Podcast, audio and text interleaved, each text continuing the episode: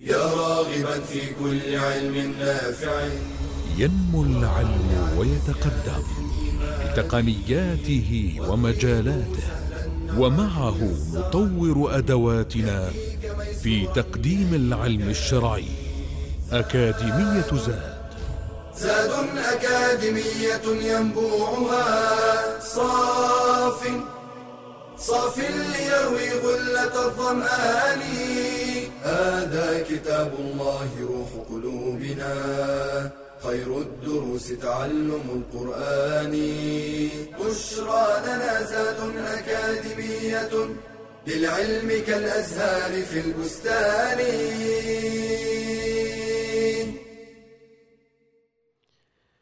الحمد لله رب العالمين. أحمده سبحانه وتعالى حمدا كثيرا طيبا مباركا فيه. والصلاة والسلام الأتمان الأكملان على سيد ولد آدم أجمعين سيدنا ونبينا محمد وعلى آله وأصحابه إلى يوم الدين. سبحانك لا علم لنا إلا ما علمتنا إنك أنت العليم الحكيم.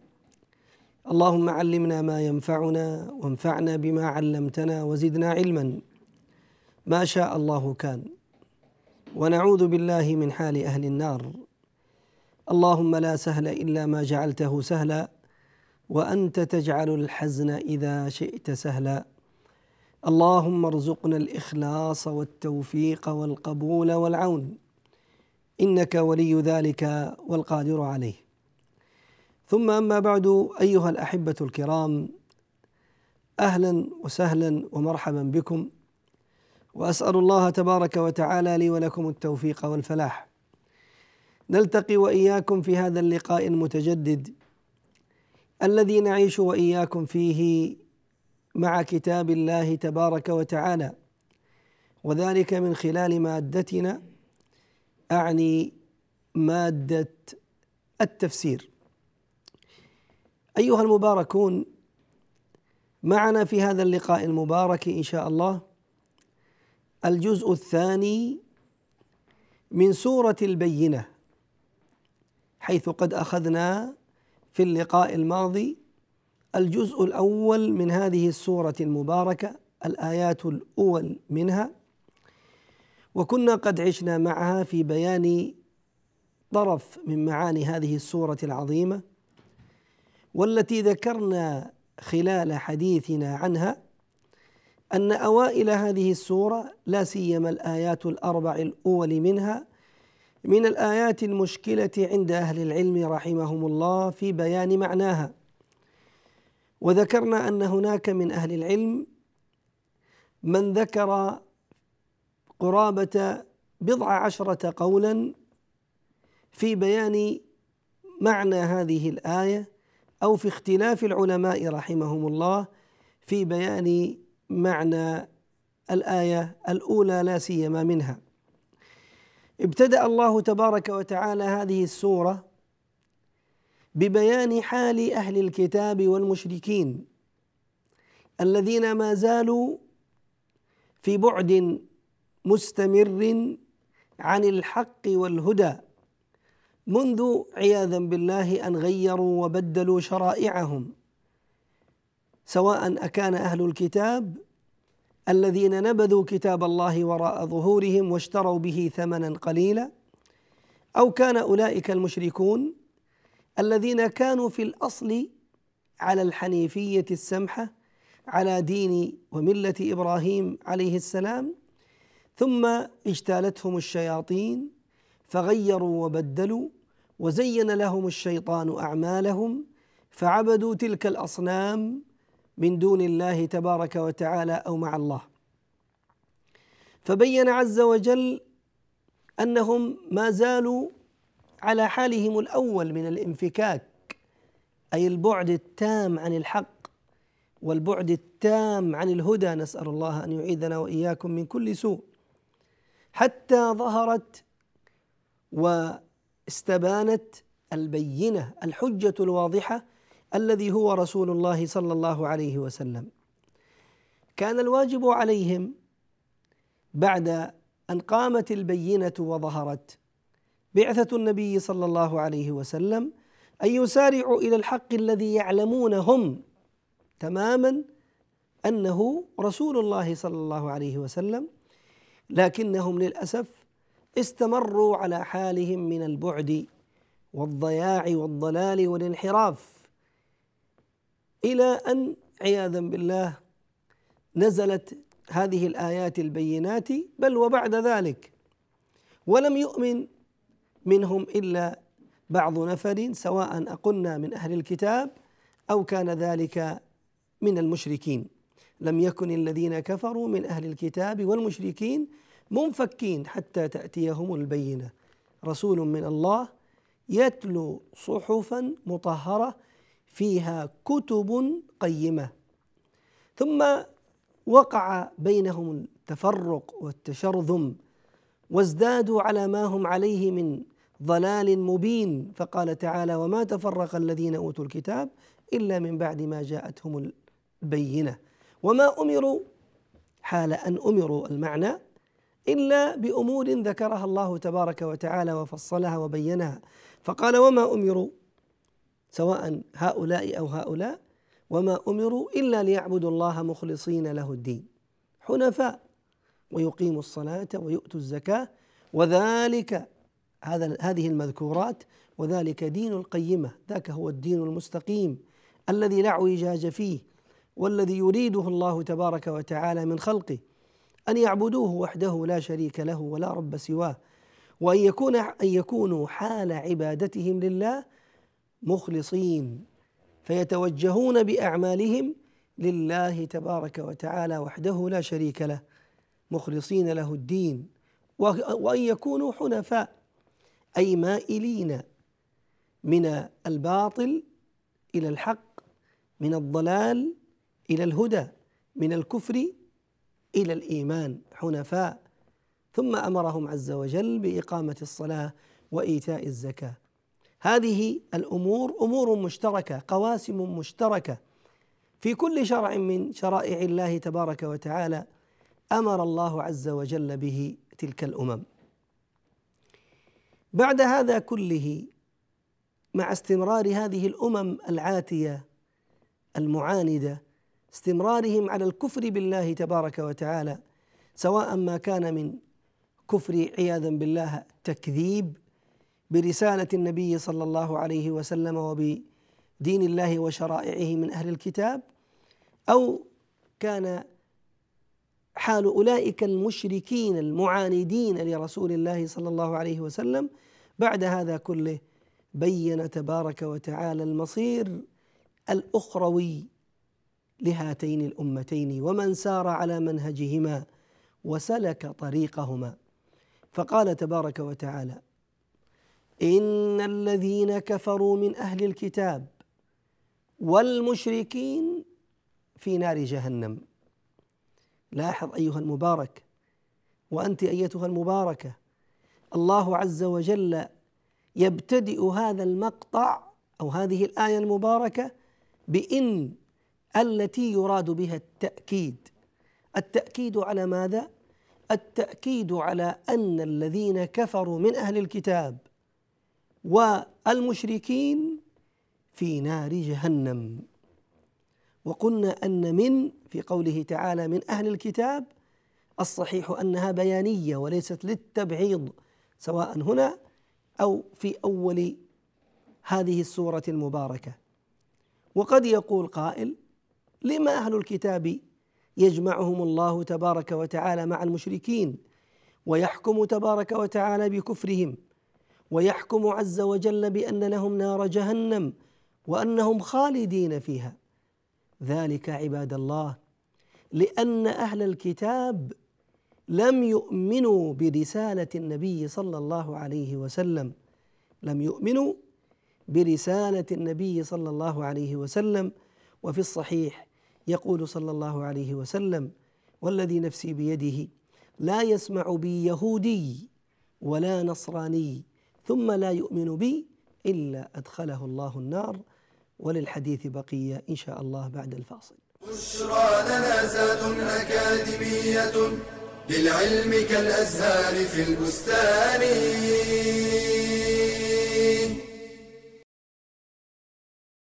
يتميز الإنسان عن سائر المخلوقات بالعقل وباستخدامه في التفكر والتأمل يصل إلى الحقيقة. فالتفكر عبادة عظيمة لأنه موصل إلى الإيمان. قال جمع من الصحابة إن نور الإيمان التفكر. وسئلت أم الدرداء عن أفضل عمل أبي الدرداء فقالت التفكر والاعتبار. فيتفكر المؤمن في بديع صنع الله تعالى في الكون ليزداد عنده اليقين بعظيم قدرة الله سبحانه ووحدانيته. قال شيخ الإسلام ابن تيمية النظر إلى المخلوقات العلوية والسفلية على وجه التفكر والاعتبار مأمور به مندوب إليه.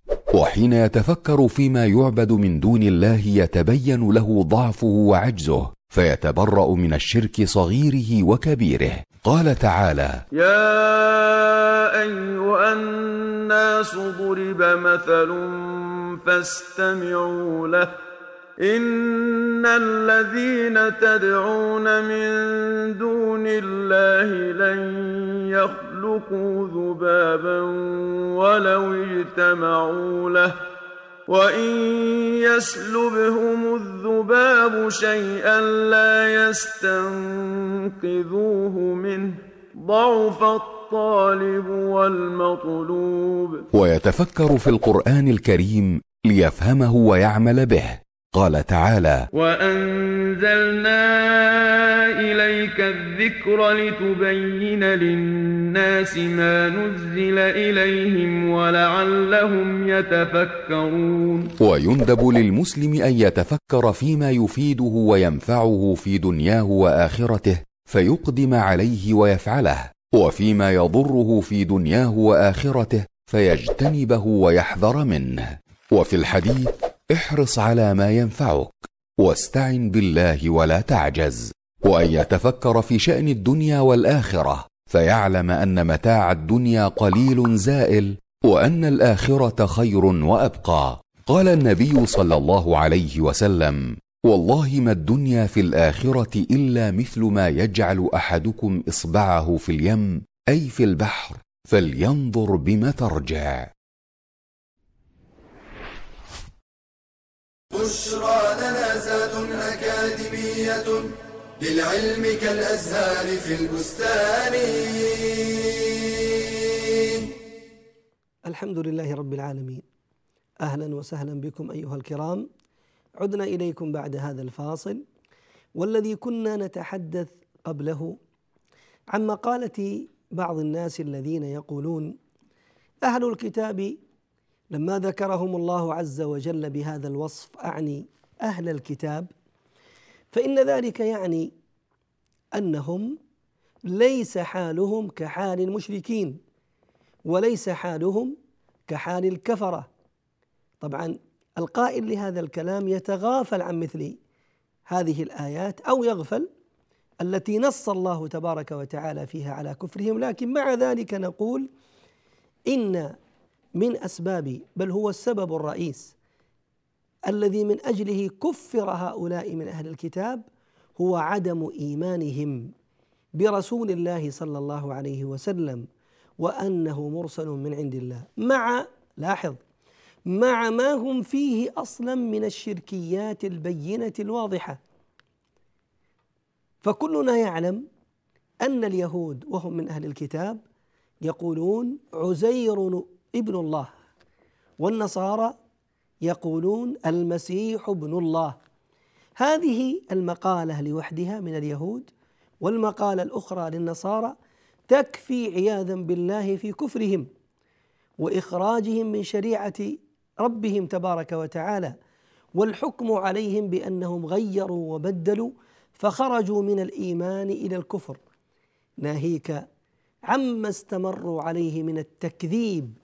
برسالة النبي صلى الله عليه وآله وصحبه وسلم وإنما يذكر الحق تبارك وتعالى وصفهم بأهل الكتاب تشنيعا عليهم فهم أمة أمة الواجب أن يكونوا أكثر الناس قربا للحق وولوجا فيه لا سيما النصارى فهم أقرب الأمتين عهدا بعهد رسول الله صلى الله عليه وسلم وبنبوته فلم يكن بين عيسى عليه السلام وبين رسولنا صلى الله عليه وسلم غير ستمائة عام. هذه الفترة الزمنية كفيلة بأن, بأن تبقى آثار النبوة والرسالة العيسوية باقية عند أصحابها وقد كان الأمر كذلك في التبشير برسالة النبي صلى الله عليه وسلم ولكنهم للأسف عرفوا فكذبوا. واستمروا في عنادهم وطغيانهم نسأل الله لنا ولكم السلامة والعافية.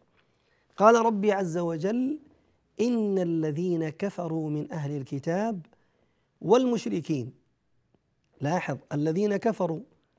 إذا معنى ذلك أن منهم أمة مؤمنة نعم وهم من أكرمهم الله تبارك وتعالى بالإسلام.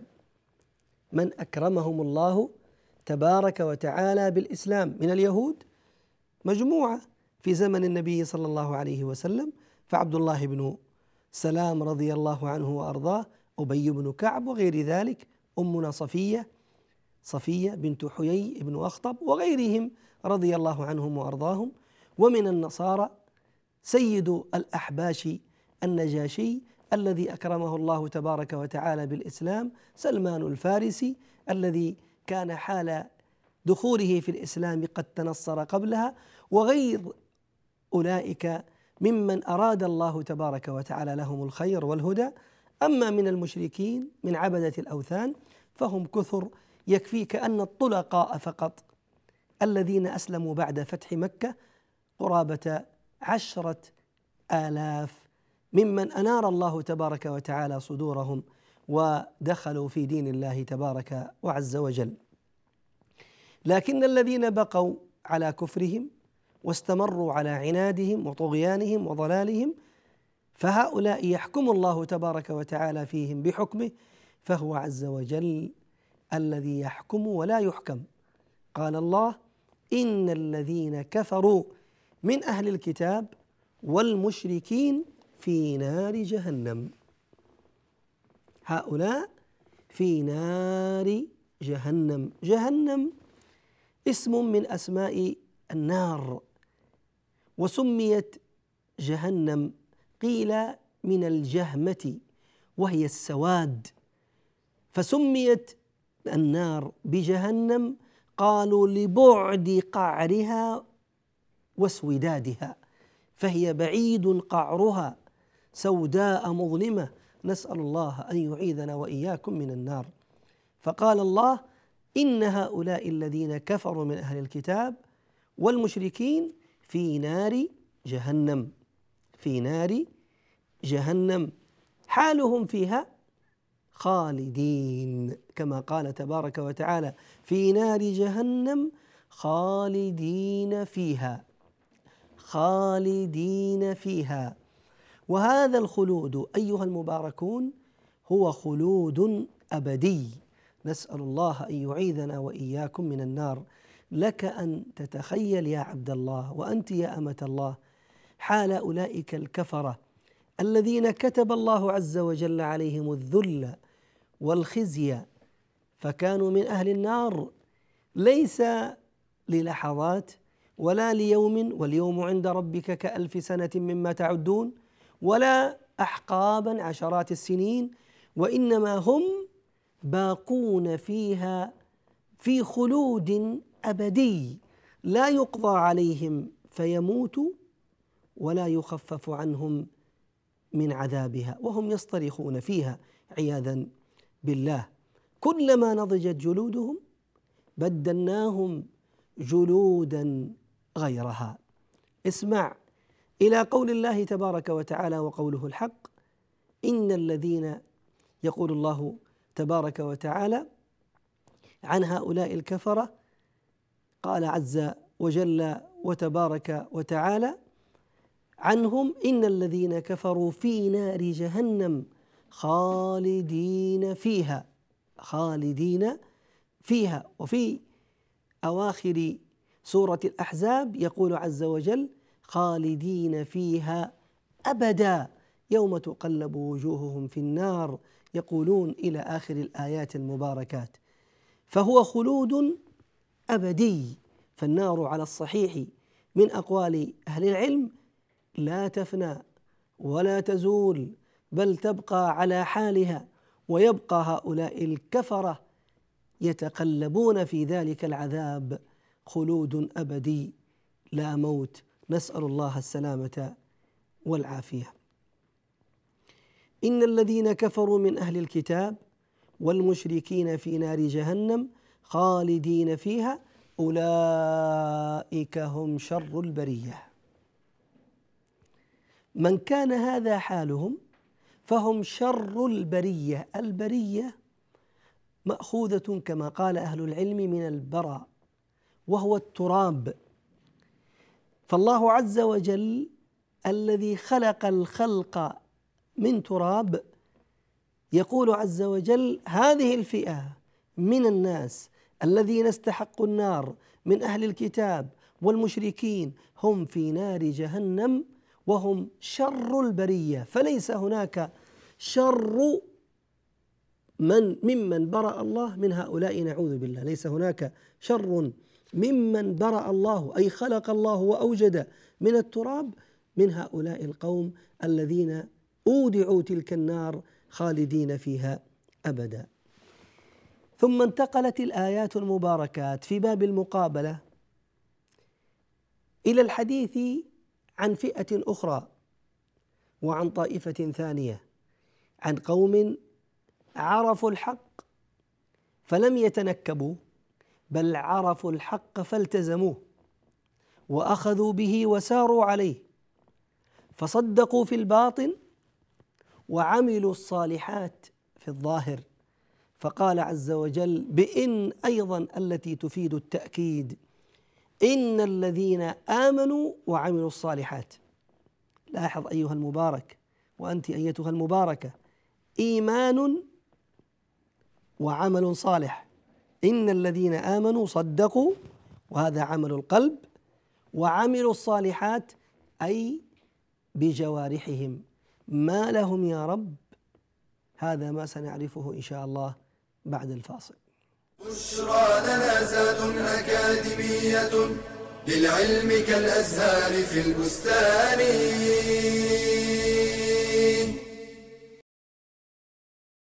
من رضي بالله ربا حقت عليه طاعته وعبادته.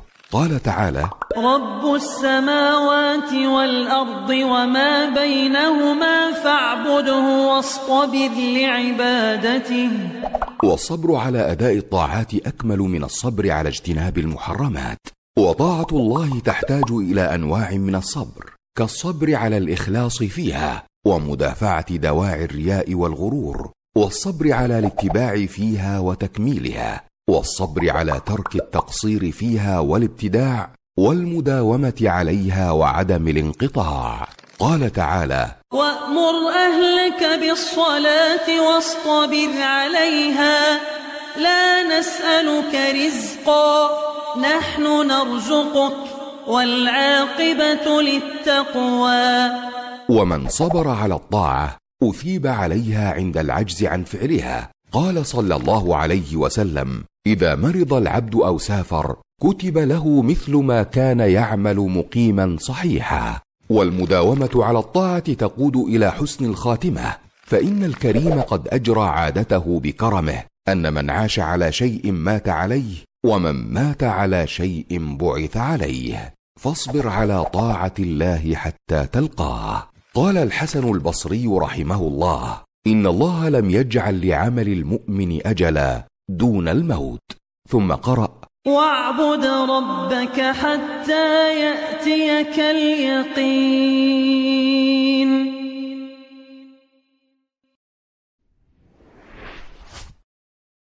بشرى لنا زاد أكاديمية للعلم كالأزهار في البستان. حياكم الله أيها الكرام. أهلا وسهلا بكم. عدنا إليكم بعد الفاصل. والذي كنا نتحدث قبله عن ذكر الله تبارك وعز وجل لأهل الحق وأهل الهدى وأهل الإيمان فذكر الله تبارك وتعالى مصيرهم في باب المقابلة بعد أن ذكر تبارك وعز وجل حال أهل الكفر من أهل الكتاب والمشركين وأنهم في نار جهنم. قال عز وجل عن عباده المتقين قال إن الذين آمنوا وعملوا الصالحات آمنوا قلنا صدقوا بالباطن وعملوا الصالحات أي بجوارحهم. إن الذين آمنوا وعملوا الصالحات قال أولئك هم خير البرية. تأمل في أهل الكتاب وفي المشركين يقول الله تبارك وتعالى عن تلك الفئة المعاندة المستكبرة الكافرة قال عنهم أولئك هم شر البرية. فليس هناك شر منهم نعوذ بالله. ولما جاء عند أهل الإيمان الذين آمنوا وعملوا الصالحات قال أولئك هم خير البرية. فليس هناك خير ممن برأ الله تبارك وتعالى أي خلق إلا الذين آمنوا وعملوا الصالحات. وبهذا يستدل بعض أهل العلم على أن المؤمنين من بني آدم الذين آمنوا وعملوا الصالحات هم يقولون خير من الملائكة. لما؟ قالوا لأن الله تبارك وتعالى قال هنا عنهم قال أولئك خير البرية. خير المخلوقات التي خلقها الله عز وجل هم هؤلاء الذين آمنوا وعملوا الصالحات. آمنوا وعملوا الصالحات. أولئك هم خير البرية. ما هو جزاؤهم يا رب؟ أيضا من باب المقابلة الجزاء الأخروي الذي أعده الله تبارك وتعالى لهم. قال جزاؤهم عند ربهم ولم يقل عند الله. تذكيرا بربوبيته تبارك وتعالى فهو المربي لهم بنعمه جزاؤهم عند ربهم الذي كانوا يعرفون فضله وإنعامه وعطاء الربوبية منه عز وجل المتواصل. جزاؤهم عند ربهم جنات عدن. لم يقل الله تبارك وتعالى جنة واحدة وإنما قال جنات فهي جنة عدن وجنة المأوى وجنة الفردوس وغيرها من الجنات التي يكرم الله تبارك وتعالى بها أولياءه. نسأل الله أن يجعلنا وإياكم منهم وأن لا يؤاخذنا وإياكم بذنوبنا. جنات عدن عدن بمعنى إقامة من قولهم عدن الشخص في المكان أو بالمكان أي أقام فيه إقامة دائمة.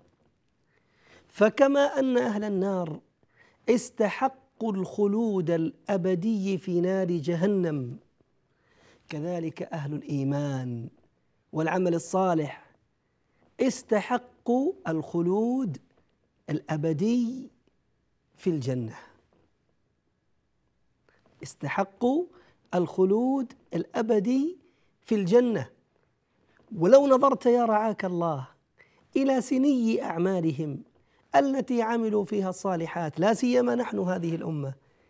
التي الواحد منا الفرد فيها عمره أكثر الأمة بين الستين إلى السبعين. وكم هي تلك الأيام التي عبد الله تبارك وتعالى فيها حق عبادته؟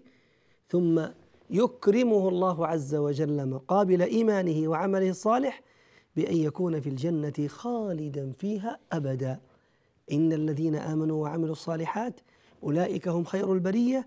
جزاؤهم عند ربهم جنات عدن تجري من تحتها الأنهار خالدين فيها أبدا. اذا هي جنات كما قلنا وليست جنة.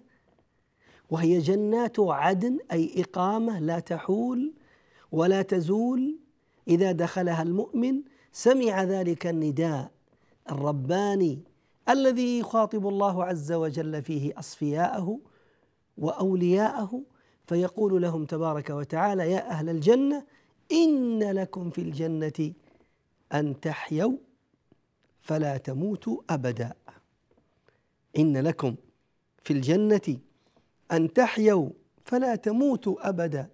وإن لكم في الجنة أن تشبوا فلا تهرموا أبدا. وإن لكم في الجنة أن تسعدوا فلا تشقوا أبدا وإن لكم في الجنة أن تصحوا فلا تمرضوا أبدا. اللهم إنا نسألك من فضلك وجودك وإحسانك. هذا النعيم المقيم الذي يقرع مسامع المؤمنين عند أول دخولهم نعيم دائم غير منقطع يكرم الله تبارك وتعالى به خير البرية. أهل الإيمان وأهل العمل الصالح. جزاؤهم عند ربهم جنات عدن. قال الله تجري من تحتها الأنهار.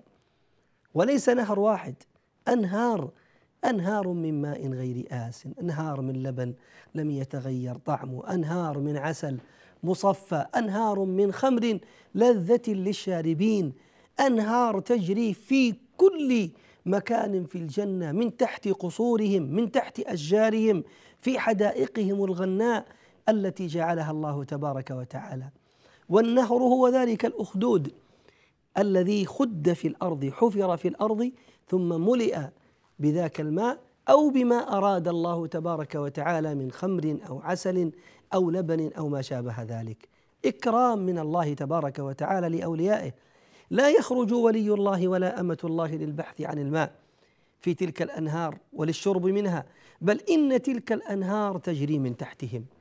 هم في قصورهم هم في حدائقهم الغناء والأنهار تجري من تحتهم. فلو أراد أن يشرب أو يتناول من تلك الأنهار من أي شيء منها أراد ليس عليه إلا أن يأخذ من تلك الأكواب من تلك الأباريق فيملأها ثم يشرب ما شاء الله تبارك وتعالى منها. أن يشرب جنات تجري من تحتها الأنهار خالدين فيها أبدا. يا الله من فضلك ويا الله من جودك وإحسانك وكرمك. ثبت في البخاري أن الله عز وجل إذا أدخل أهل الجنة الجنة وأدخل أهل النار النار وأخرج من النار يعني كل من كان في قلبه شيء من الإيمان حتى من كان في قلبه مثقال حبة شعير مثقال ذرة مثقال حبة من خردل. المهم ثم شفعت الأنبياء والملائكة ورحم من شاء أرحم الراحمين فقبض بيده وأخرجهم إلى فلم يبقى في النار إلا أناس كتب الله عليهم الشقاء الأبدي. هناك يؤتى عياذا بالله بالموت. يؤتى كما في البخاري بالموت على صورة كبش فيوضع بين الجنة والنار. ثم ينادى منا ينادي مناد يا أهل الجنة فيشرئبون. ينظرون يا أهل النار فيشرئبون. أتعرفون هذا؟ قالوا نعم ربنا. الموت. فما منا من أحد إلا وقد ذاقه قبل خروج روحه وعاينه فرآه بعينه. الموت. يعرفوه الجميع. فيؤمر به. فيذبح بين الجنة والنار ثم يقال يا أهل الجنة خلود فلا موت. ويا أهل النار خلود فلا موت. نسأل الله أن يجعلنا وإياكم من أهل الجنة. قال الله تبارك وتعالى عن هذه الفئة المؤمنة رضي الله عنهم ورضوا عنه اللهم ارض عنا وأرضنا يا رب العالمين.